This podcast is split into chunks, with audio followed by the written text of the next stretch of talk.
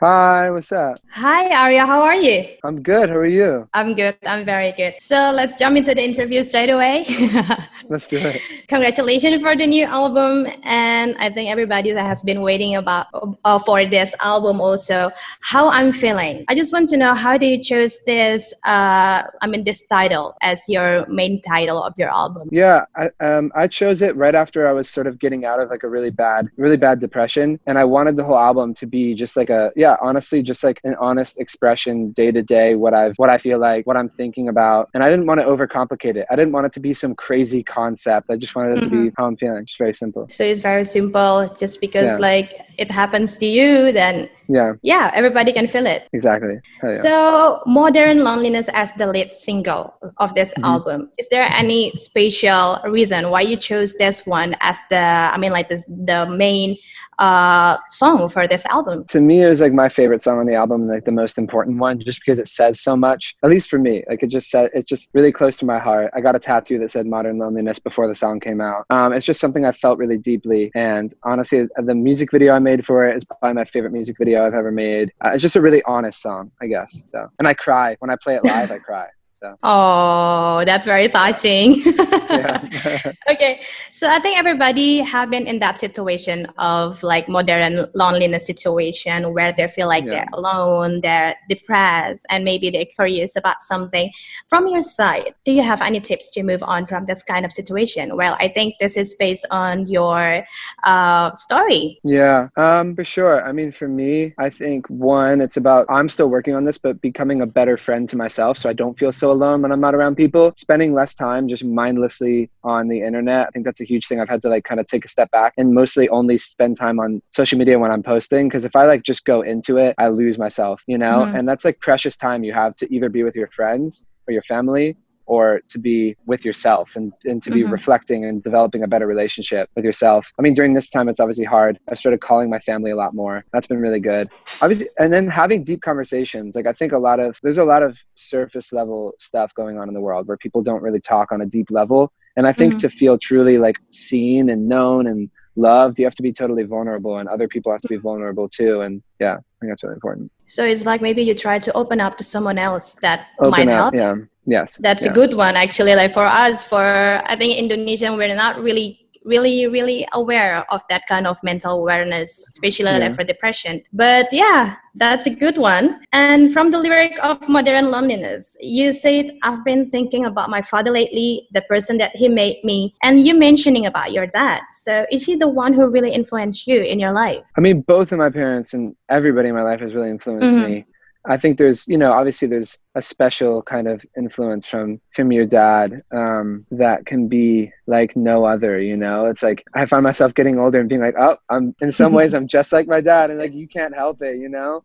And yeah. Um, yeah, I think it was just kind of reflecting on that. Um, yeah, you know, I, I just I see I have some of the same habits, and mm-hmm. some of them I feel like you know things I'm trying to work on, I guess too. So about the albums now, how do you describe the whole album? I mean, like uh, the whole theme of the album. Maybe is it about yourself, or maybe there's a love story behind it, or friendship, or what is it? It's really I kind of think of it as like a log of my different emotions on different days. for me, it was like expressing different parts of my personality, and because before I felt very much like all of my music was about one relationship, like one mm-hmm. love and like this is about all sorts of stuff in my life you know like love mental health just like fun songs there's like fantasy mm-hmm. songs there's like sad songs there's there's all sorts of stuff. So it's um it was really kind of like experimenting with being more free and being more open with the way i made music. Um so yeah. Any interesting story behind the recording process? Uh behind the what'd you say? The what process? The recording process the whole album. Oh. maybe you oh. have some stories behind it. Well one night i thought i wrote the whole album in one night. Like i literally was like i don't know why. I just had like a really big breakthrough because I was like really depressed. Mm-hmm. And I, before I got help, I remember there was one night where I was sitting with my friends and I was like writing a song about seeing my therapist and like writing so many songs on the keyboard. And I was like, oh my God, like I have the whole concept of the album. I'm gonna write it like and like I'm like I was going crazy about it. And then most of those songs didn't even make it on the album. So I don't know what happened to them. well, actually there is 21 song in your album already. I know, so many. so, so many. actually how do you choose 21 song out of maybe 40 or maybe 50 song into it like it was hard. I think i just tried to live with the songs and really see which ones stuck with me and meant the most to me, um, mm-hmm. and the people that I trust around me, and um, and which yeah, that felt like they were filling different roles, you know, because I don't want to put a billion of the same type of song because I can write a bunch of songs that are like similar. But originally it was going to be 15 songs, and then mm-hmm. it just kept going up. It was 16, 18, 20, and then 21. And I was like, okay, this, I gotta like stop. Is it hard for you to just stop at 20, 20 like 21? Okay, okay, okay, this is just 21. Then yes, yes. I could have gone more for sure. But there'll be so much more music this year, so I'm excited. Okay.